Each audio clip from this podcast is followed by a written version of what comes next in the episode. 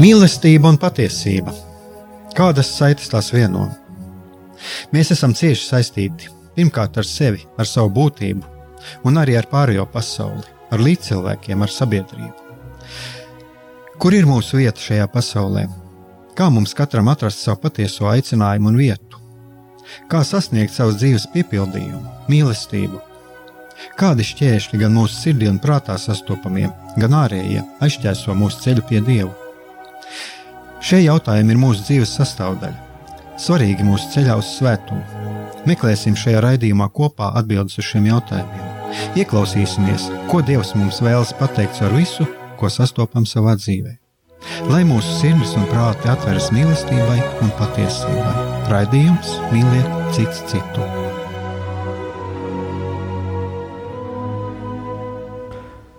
Lai top slavēts Jēzus Kristus, esiet sveicināti, darbie radioklausītāji!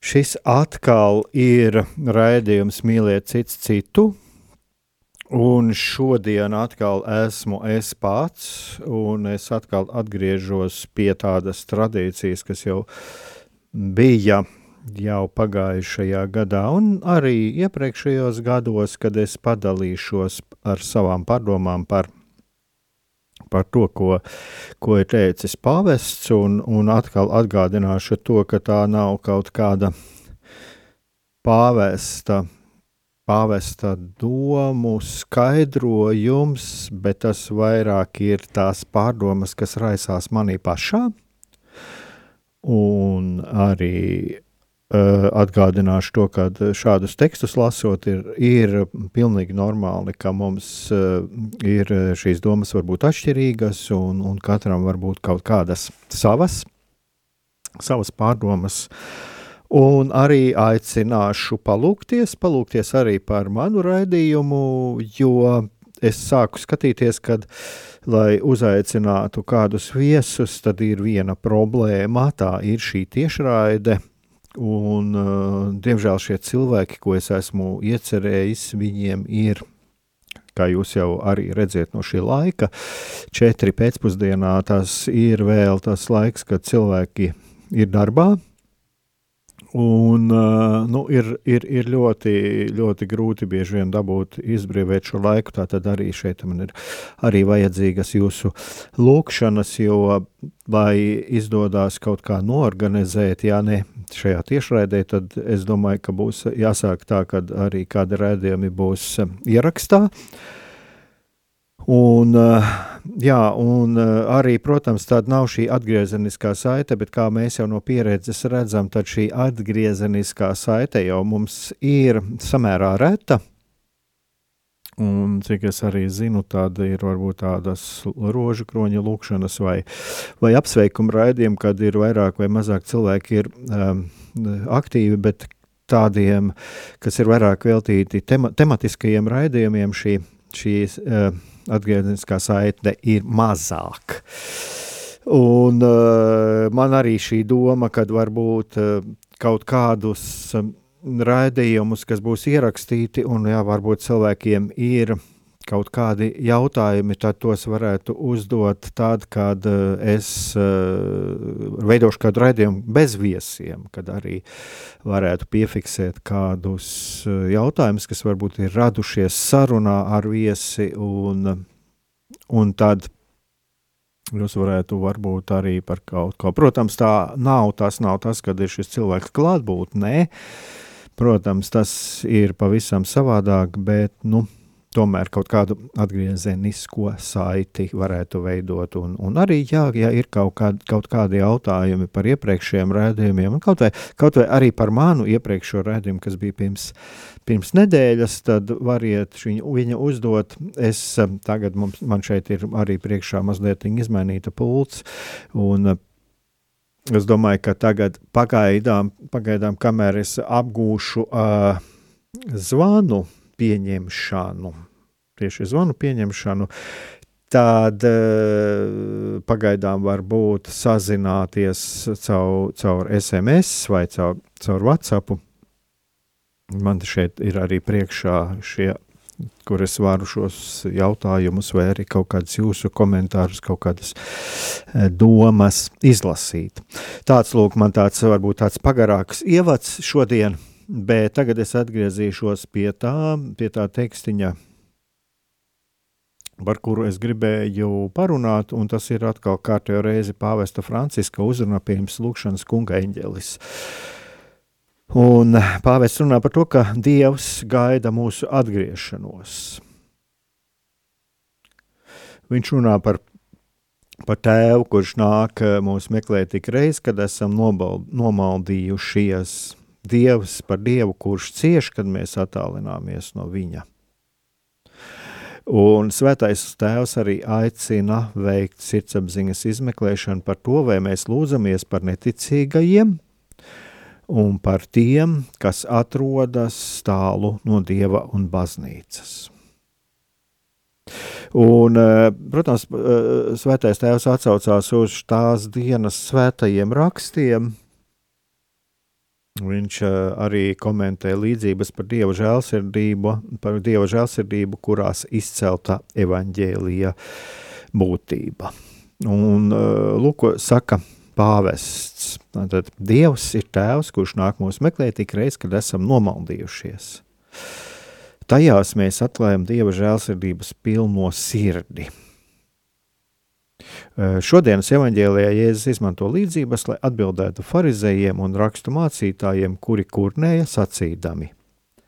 Viņš pieņem grēciniekus un ēd kopā ar tiem – cik daudzi iejaunojās, redzot, ka Jēzus atrodas starp grēciniekiem. Es domāju, jūs arī, kas klausāties, jūs jau esat droši vien daudzi no jums ir arī jau dzirdējuši šo, šo pāvesta uh, uzrunu Vatikāna radio. Tā kā daudziem arī šī uzruna nav nekas jauns. Un tātad atgriežoties pie šī teksta par par to pāvesta teikto. Un man pašam uzreiz uh, radās tāds jautājums par, par to, cik daudz iejaunojās redzot, ka Jēzus atrodas starp grēciniekiem.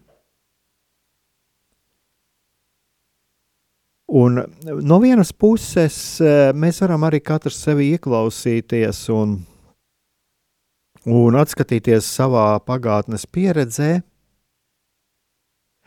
Eh, un, un uzreiz man nāk, jau pat arī tagad, šī raidījuma laikā, man nāk prātā tādi gadījumi, kad eh, es esmu izveidojis kaut kādu priekšstatu par cilvēku, kurš, eh, kuru, jā, es esmu redzējis kaut kur kopā ar tiem, kur es tiešām redzu, ka nu, tie darbi, ko šie cilvēki dara, nu, nav sevišķi labi. Un es kaut kādā veidā esmu šo cilvēku asociējis uh, ar, ar tiem, ar šo cilvēku, kas ir kopā ar šiem grēciniekiem un acīm redzamiem grēciniekiem. Es šo cilvēku esmu kaut kā sasaistījis ar šo grēku, ko šie cilvēki dara. Pat neieklausoties, Pat pirms tam, pirms, es, pirms esmu, šo, esmu šo cilvēku pats iepazinis. Un man, man, kād, man kādu laiku par šo cilvēku ir bijis tāds um, diezgan negatīvs iespējas. Lai gan es atkal saku, es esmu redzējis, ka jā, viņš tur ir, tur ir, viņš ir ar viņiem kopā. Uh, neko daudz es neesmu runājis, dzirdējis, par ko viņš runā, un arī ko, nu, labi, nu, cilvēks, ko runā, vai mazums, ko runā. Un, lūk, un es esmu dzīvo, dzīvojis šādā nepareizā iespaidā. Un tad, kad es ar šo cilvēku esmu personīgi parunājis, kad man ir nācies ar viņu parunāt, tad es pēkšņi sāku saprast, cik patiesībā mans, eh, mana, mana, mans vērtējums ir bijis nepatiess. Es biju izveidojis kaut kādu stereotipu par šo cilvēku. Un no otras puses, kas arī mums ir vērts paskatīties arī pašiem uz savu pieredzi un uz savu dzīvi, Un es domāju, ka mēs katrs reizi reizēm esam, mums kaut kādu apstākļu dēļ mēs, mēs iekļūstam starp kādiem cilvēkiem, kuri tiešām jā, var uzskatīt, ka viņi ir, ir grēcinieki. Un tas nebūtu nenozīmē, ka mēs obligāti ar viņiem kopā grēkojam. Dzīvē mums var būt dažādi apstākļi. Un otrs puses, eh, mēs varbūt varam katrs arī ieklausīties un paskatīties savā pagātnē. Arī mēs esam paši bijuši grēkojuši. Un, uh, un uh, esam darījuši tādas lietas, kuras uh, šobrīd mums pat uh, kauns kaut kur sirds dziļumos. Bet tagad tā, mēs atgriežamies pie paša Jēzus, kas bija bez grēka. Bet šie cilvēki, kas to redzēja, iejaunojās redzot, ka Jēzus atrodas starp grēciniekiem. Un iespējams, mēs šeit varam runāt arī par vēl vienu tādu aspektu, kad Jēzus, kad viņš uh, jau ir ieguvis autoritāti, un pēkšņi viņš dodas pie tiem, kas ir grēcinieki. Un lūk, mēs piedzīvojam šo šo vilšanos par šo cilvēku, uz kuru mēs um, uztvērām kā autoritāti, uz kuru mēs likām cerības, un pēkšņi mēs ieraugām, ka viņš ir starp tiem, kuri mm, mūsu skatījumā ir grēcinieki. Un tad ir arī vērts padomāt par to, jā, un, un iedomāties arī par, par šo situāciju Jēzus laikā. Vai tie, kuri iejaunojās uz Jēzu, vai viņi ar Jēzu parunāja par to. Jā, mēs no svētiem rakstiem redzam, ka patiesībā runāšana notika, bet tā runāšana nenotika, lai mēģinātu saprast Jēzu. Tā runāšana notika, lai viņu izprovocētu, lai meklētu iemeslu viņu apsūdzēt.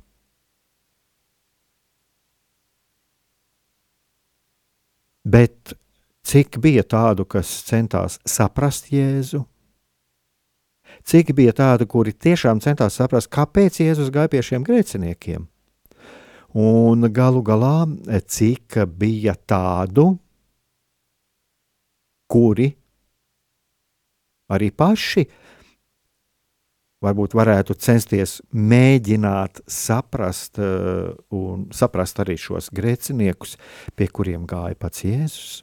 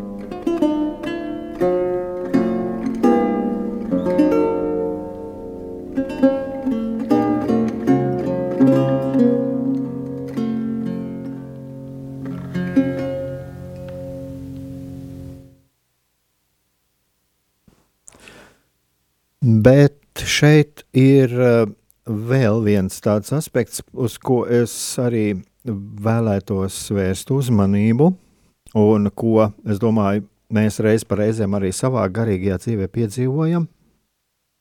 Tas ir jautājums, vai es patiešām vēlos grēcinieku atgriešanos.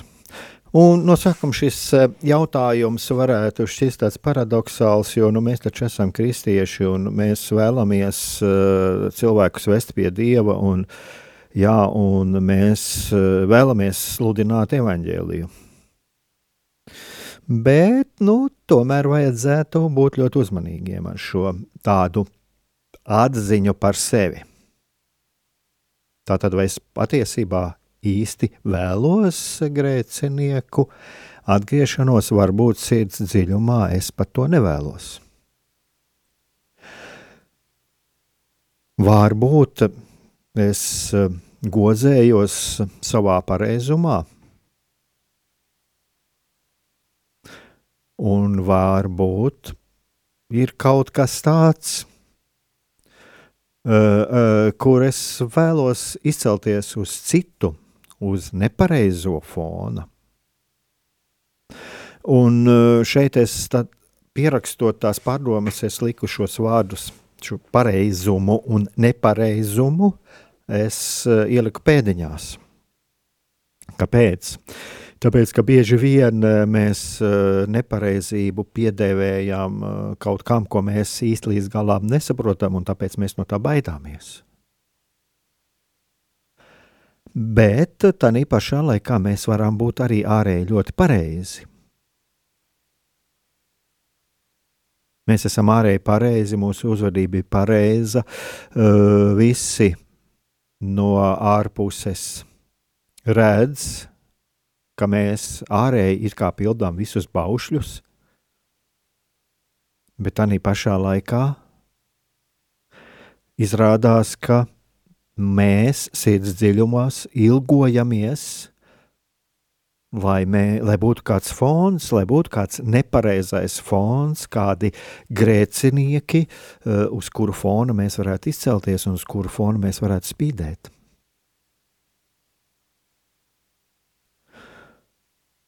Un uh, Varbūt es pat neesmu arī pamanījis, un, un uh, es domāju, tas ir arī tāds risks, uh, no kā brīdināja pāvests. Sevišķi ļoti daudz pāvests runāja to savu pontifikātu sākumā, uh, kad, jā, ka mēs pie, varbūt es pat neesmu īsti pamanījis, ka es arī piederu kaut kādai pareizai, bet šoreiz atkal jāsaka pēdiņās grupai, kas arī jā, ļoti pareiza un pilda visu, visu, ko mācā baznīca baušļi. Uh, bet kurai patiesībā ļoti svarīgs apvienotājs ir nevis mīlestība, bet gan kāds ārēji ienaidnieka tēls. Un tad mēs varam atgriezties atkal pie tā, ka, par ko es jau runāju, uh, pirms muzikālās pauzes, vai nav tā, ka es bieži vien tā vietā, lai otru censtos uzklausīt un saprast, steidzos to notiesāt un apsūdzēt.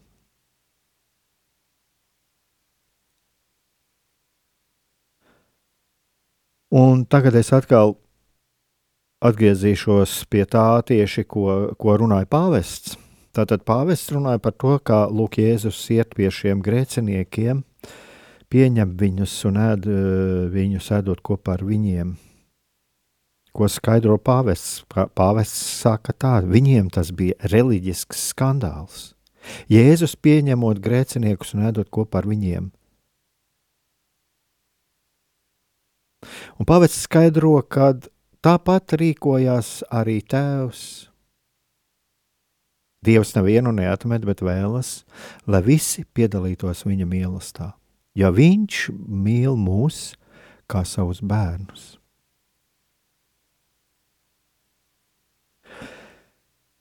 Līdzībām par ganu, kas meklē pazudušo avi, par sievieti, kura meklē pazudušo monētu, un par pazudušā dēla tēvu, ir viena kopīga iezīme - nemieris par zaudējumu. Tie ir pāvesta vārdi, ko es tagad saku.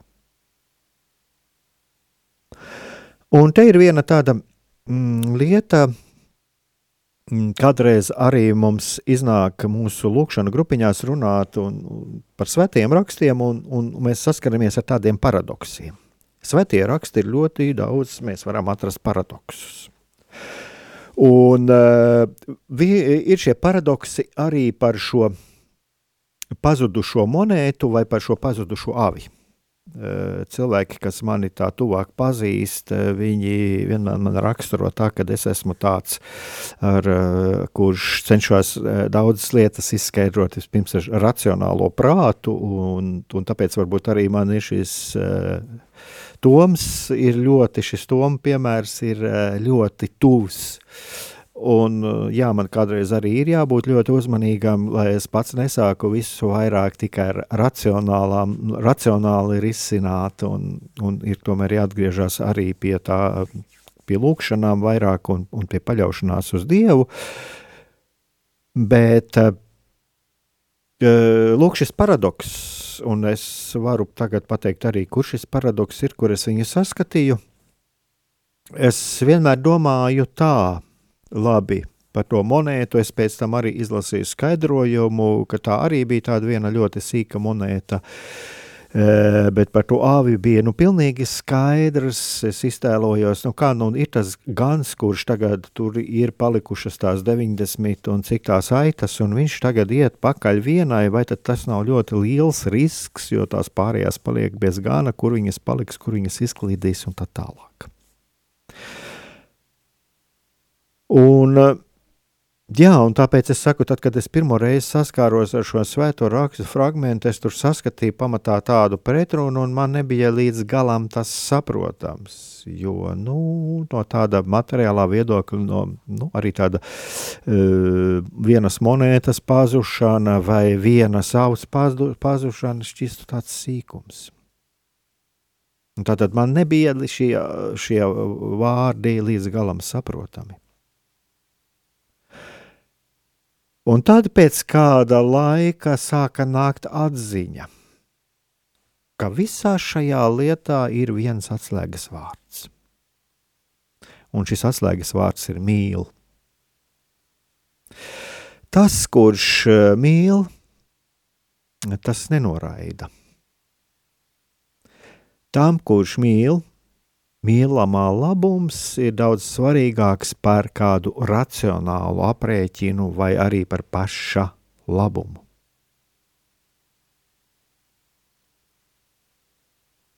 Kyrie eleison. Kyrie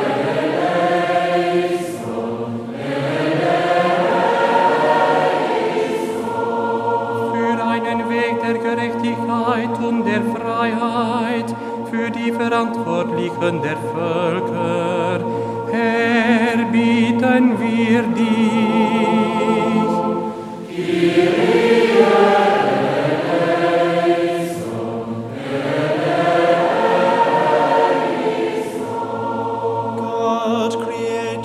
Savior, wellspring of peace for all the world. In trust we pray to you.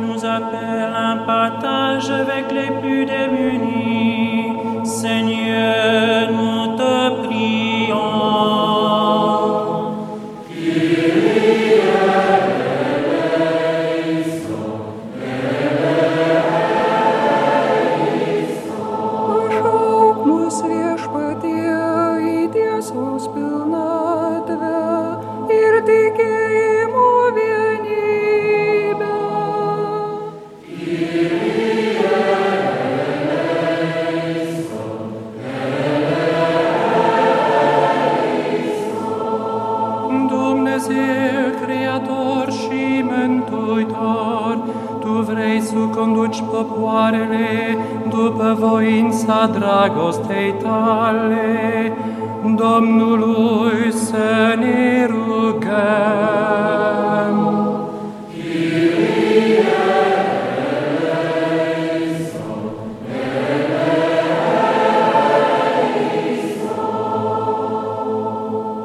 耶稣，求你赐给我们祈祷和赞美的精神，使我们不论在何时何地到感谢你。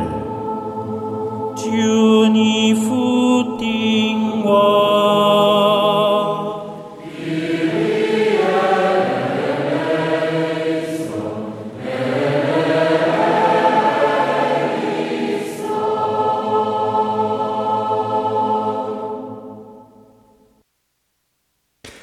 Darbie radio klausītāji, šis ir redzējums mīlēt citu citu.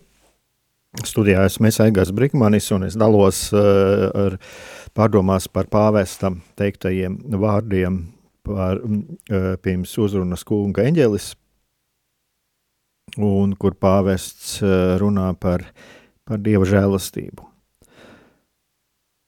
Un, uh, jā, un tas, ko es dalījos par, kā es sapratu, šo, šīs līdzības, šīs līdzības par šo pazudušo avi, kurai labais gans dodas, dodas meklēt, vai par šo vienu pazudušo monētu, kad šis atslēgas vārds, ar kuru es beigās sapratu, šis atslēgas vārds ir mīl, un tas, kurš mīl, tas nenoraida tam, kurš mīl, uh, Mīlamā, mīlamā labums ir daudz svarīgāks par racionālu aprēķinu.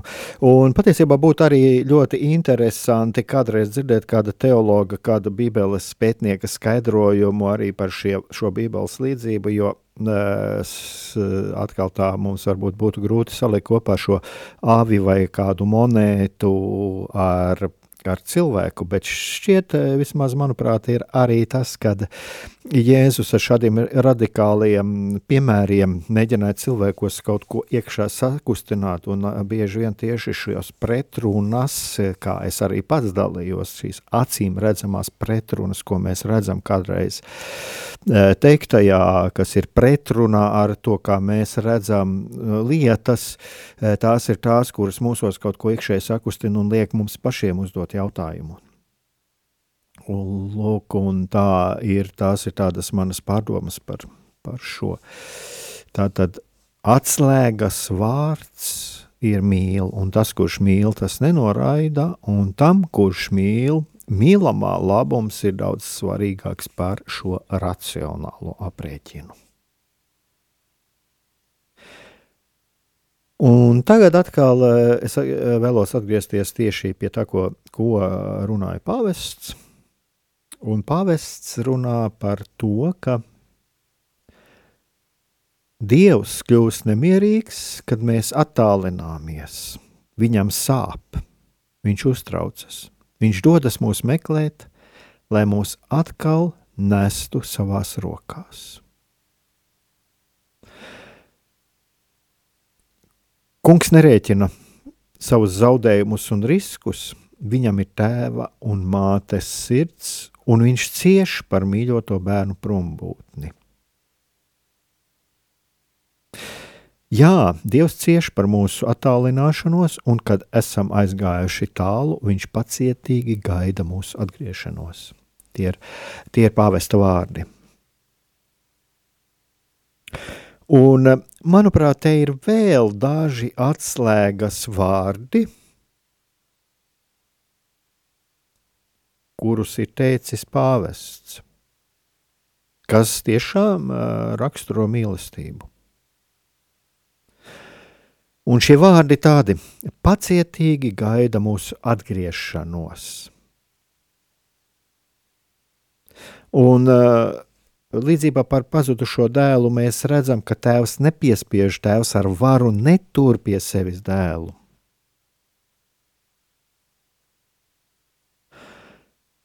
Viņš pat atdod šo mantojuma daļu. viņš respektē šo dēla gribu. Un tā ir viena no tādām būtiskajām lietām, par ko arī uh, ir runāts kādreiz arī iepriekšējos raidījumos, kad mīlestība ir nevis tā, kas sasaista, kas ieliek būrītī, kaut zelta būrītī, vai mīlestība nav kas tā, kas cenšas nopirkt. Bet mīlestība ir tā, kas neuzspiež, kas ir pacietīga. Ja mēs atceramies, ko arī no apakstuļa Pāvila. Un pacietīgi gaida mūsu atgriešanos. Tā tad Es domāju, ka tā arī tāda viena ļoti būtiska lieta. No vienas puses, uh, mēs redzam Jēzu, kurš atrod šo avi un kurš nes savās rokās. Un mēs uh, Dieva priekšā esam tiešām šie bērni, uh, un, uh, kuriem ir jāļaujās dažās mūsu dzīves situācijās, ir jāļaujās tiešām, lai Dievs nes mūs savās rokās, un vienmēr, kad Dievs to vēlās, mums jāļaujās, lai nestu savās rokās, jo mēs attiecībā pret Dieva varu un pret lielumu, pret viņa lielumu esam šie bērni. Bet tā pašā laikā arī šīs cilvēciskās attiecības ir pacietīgas. Pacietīgas paļāvībā arī kādreiz uz to, ka tas cilvēks, kura dēļ mēs, mēs kļūstam nemierīgi, ka Dievs vienalga ir ar viņu. Mīlestība ir pacietīga, bez piespiešanas, bez manipulācijas bez neveselīgas piesaistes. Bet tas nebūtu nenozīmē, ka mēs nepārdzīvojam par šo cilvēku, ka mums nav sirdī šis satraukums. Jo pacietība jau pēc būtības arī nozīmē to, ka mēs pazemībā, drosmīgi izdzīvojam šo situāciju. Un kā mēs kristieši esam aicināti arī lūdzamies, lūdzamies par šiem cilvēkiem, kuri ir attālinājušies.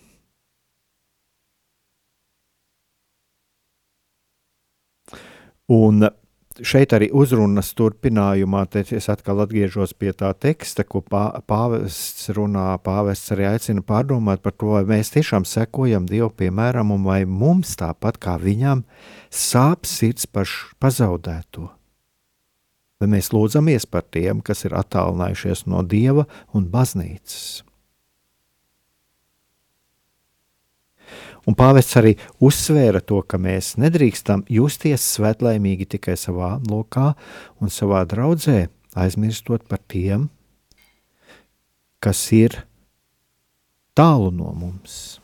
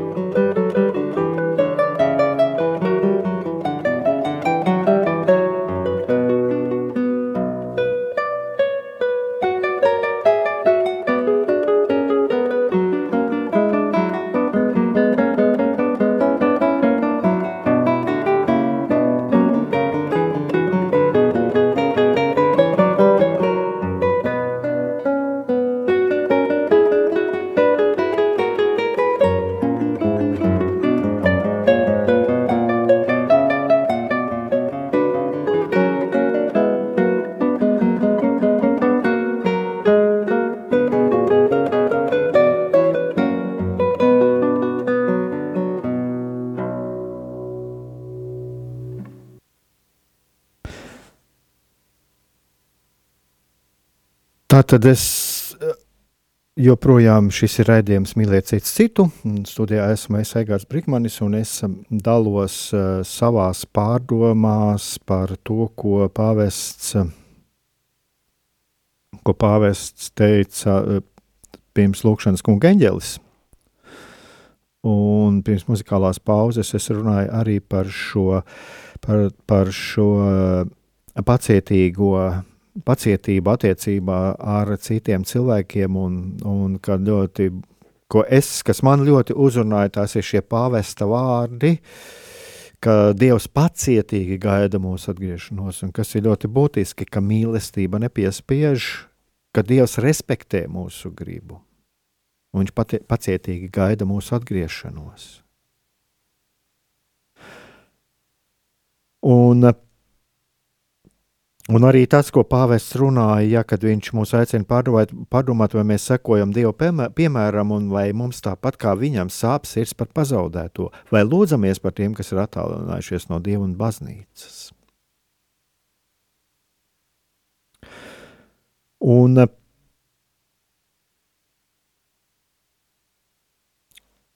šeit par šo attālināšanos no Dieva un baznīcas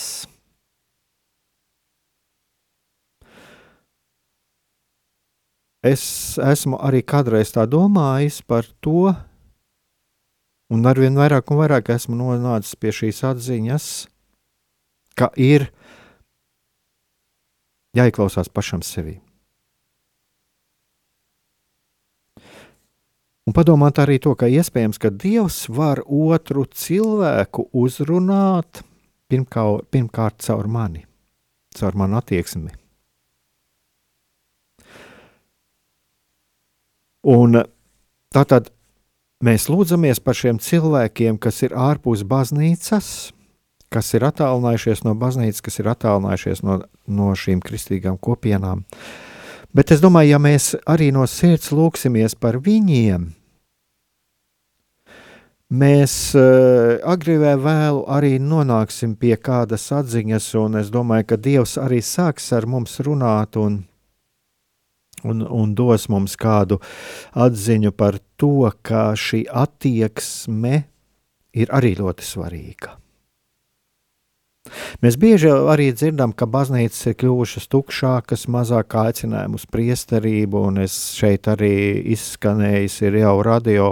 Es esmu dzirdējis arī par to, ka nav pirmajā kursā, arī seminārā nav iestājušies. Un, un es domāju, ka šeit ir arī ļoti svarīgi mums katram uzdot šo jautājumu, Kas tam par iemeslu, ka daļa sabiedrības attālinās no baznīcas? Protams, ka mēs un, un cilvēkiem būs atbildes gan kristiešiem, gan nekristiešiem. Būs atbildes, jā, kad baznīcā ir skandāli, skandāli kristiešu vidē, kristiešu izmantošana dažādiem negodīgiem politikiem politiskiem mēķiem, negatīva pieredze attiecībās ar atsevišķiem kristiešiem un institūcijām. Un, jā, mums arī jāatcerās to, ka katrs cilvēks, ne katram tik dziļa šī ticība, lai viņš eh, saskaroties ar ievainojumiem, eh, varētu noturēties bieži vien šajās kristīgajā vidē un baznīcā, jo tur ne katram ir tik dziļas saknes. Bet arī pašā laikā mums ir arī jāsaprot to, ka tas, kas notiek baznīcā, patiesībā atspoguļo arī to, to kas notiek visā sabiedrībā. Un baznīca tomēr uh, ir kaut kāda konst, konkrēta institūcija, varam to saukt arī par, uh, par uh, juridisku personu, kuru ir uh, vieglāk katrā ziņā pamanīt kādus pārkāpumus, kur ir vieglāk tiesākt nekā visu sabiedrību kopā. Mēs to vienmēr ieraudzīsim, tad, kad ir kāda institūcija, ja tajā kaut kas notiek, tas tiks ātrāk, daudz vieglāk izcelts nekā uh, tas, kas notiek plašākā sabiedrībā. Bet tā pašā laikā to mēs arī nedrīkstam aizmirst, un tas ir tas grēks, kas ir mūs visus kopā ievaino. Par to arī pāvests ir runājis. Un e, mēs nedrīkstam pievērst acis uz to, uz tiem pārkāpumiem, kas notiek arī mūsu kristiešu vidē, vidē un baznīcā. Bet tā pašā laikā nebūs mums nekāda rezultāta, ja mēs nepaskatīsimies arī paši uz sevi. Kas uh, Ko es varu darīt? Un varbūt tieši šī, šī mana attieksme var būt tāda, kura var citiem palīdzēt ieraudzīt dievu klātbūtni viņu dzīvē, ieraudzīt šo dievu mīlestību.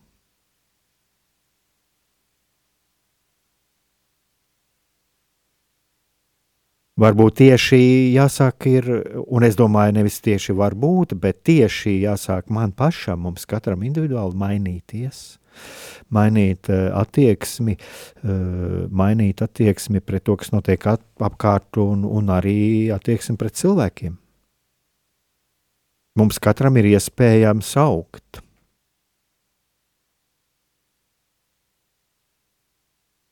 Un atgriežoties arī pie šīm kopienām, uh, Es arī vēlētos atgriezties pie tā, jo viena no tādām lietām ir, ko arī svarīgi uzdot jautājumu, vai es neiesūnoju savā kopienā, kurā es jūtos kā jūtos ļoti labi starp saviem. Pats esmu pamanījis, ka es starp dažiem cilvēkiem jūtos labi, bet starp citiem nevisai.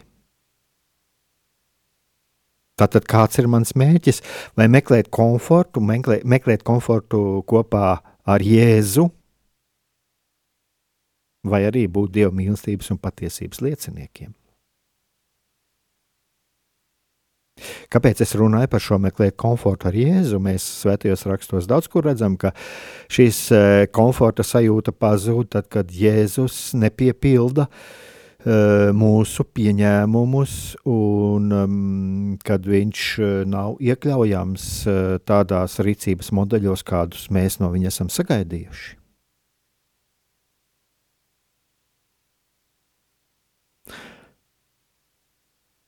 Jā, ir labi, un uh, es nebūtu, es esmu par to, lai mums būtu kopienas, lai mums būtu baznīcā vieta, kur mēs uh, jūtamies, uh, kur mēs varam patvērties, kur mēs varam justies saprast, uzklausīt, varam kopā lūgties un dalīties savā pat, savās pārdomās un pieredzē, ir ļoti, ļoti brīnišķīga Dieva dāvana. Mums par to ir jāpateicās Dievam, ka mums šādas iespējas ir. Un mums ir jādara baznīcā viss, lai tas būtu. Bet tomēr um, ir ļoti svarīgi, lai mēs ar to neaprobežotos. Ir ļoti svarīgi, lai mēs izietu pasaulē, un mēs esam aicināti iziet ārpus šī komforta Eh, savās kopienās, kur mēs jūtamies mīlēti, saprast, tik tur mēs varam iegūt šo spēku, lai mēs varētu doties ārā, doties pasaulē un nest šo evaņģēlīju vēsti, kas nevienmēr ir komfortabli, kur mēs pieredzam to, ko ir arī pieredzējis Jēzus, šo nepraš, nesaprašanu, atstumšanu.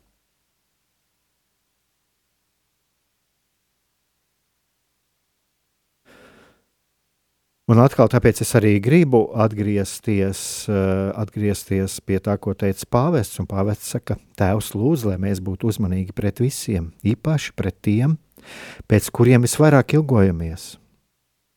Padomāsim par kādu sev tuvu cilvēku, kuru mēs pazīstam, kurš mums ir tuvs, bet kurš iespējams nekad nav dzirdējis, ka kāds viņam teikt, zini, tu esi svarīgs Dievam.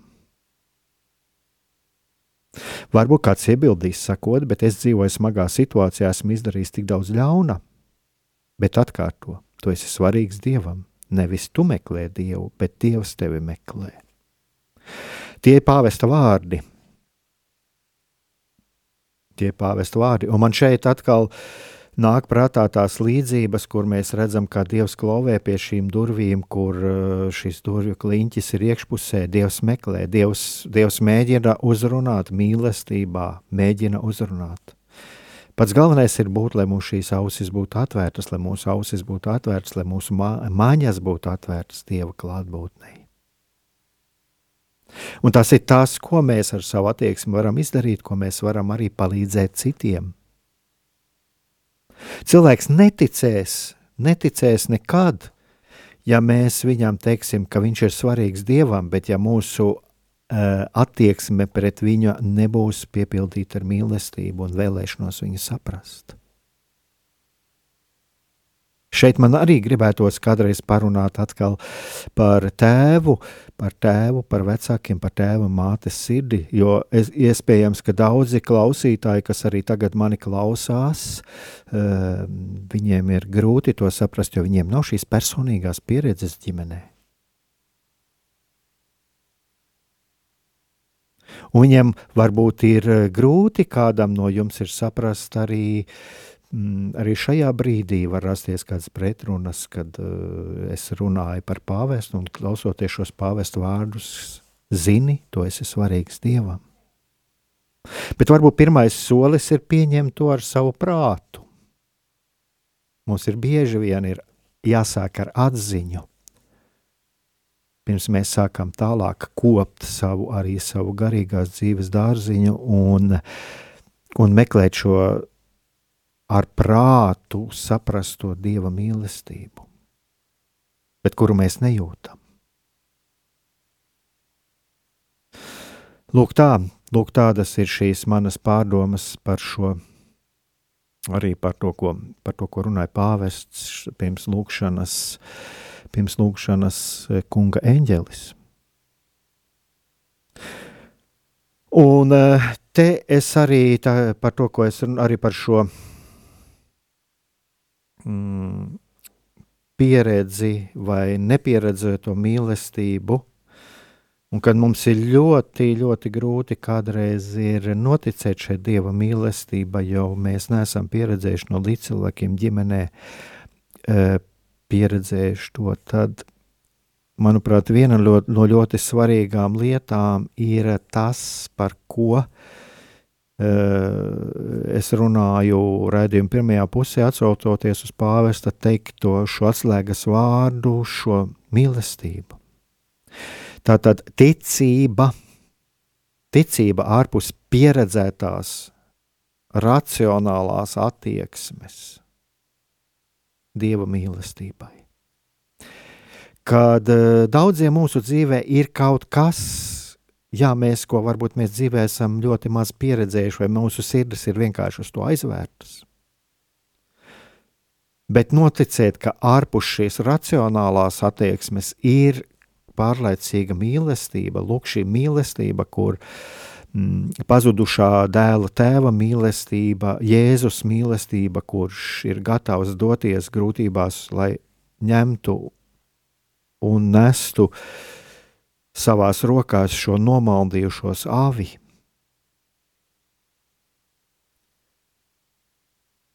Tas, manuprāt, ir tas, kas arī mums palīdz daudz vieglāk nest šo mīlestību un šo evaņģēlīju vēsti pārējai pasaulē.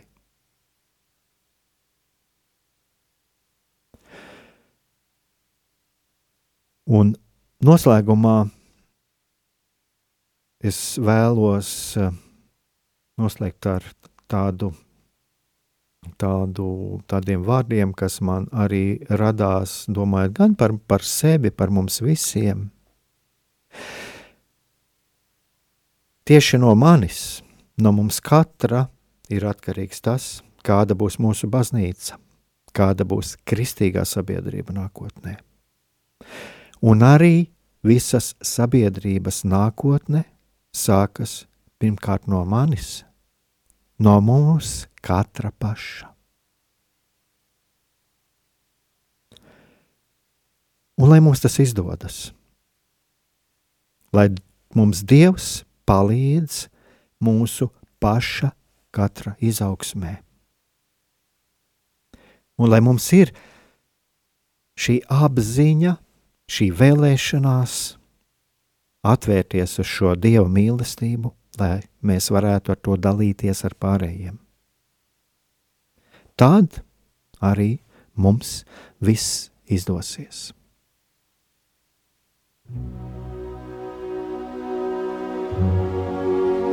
Mīlestība un patiesība. Kādas saites tās vieno? Mēs esam cieši saistīti pirmkārt ar sevi, ar savu būtību, un arī ar pārējo pasauli, ar līdzcilvēkiem, ar sabiedrību. Kur ir mūsu vieta šajā pasaulē? Kā mums katram atrast savu patieso aicinājumu un vietu? Kā sasniegt savu dzīves piepildījumu, mīlestību?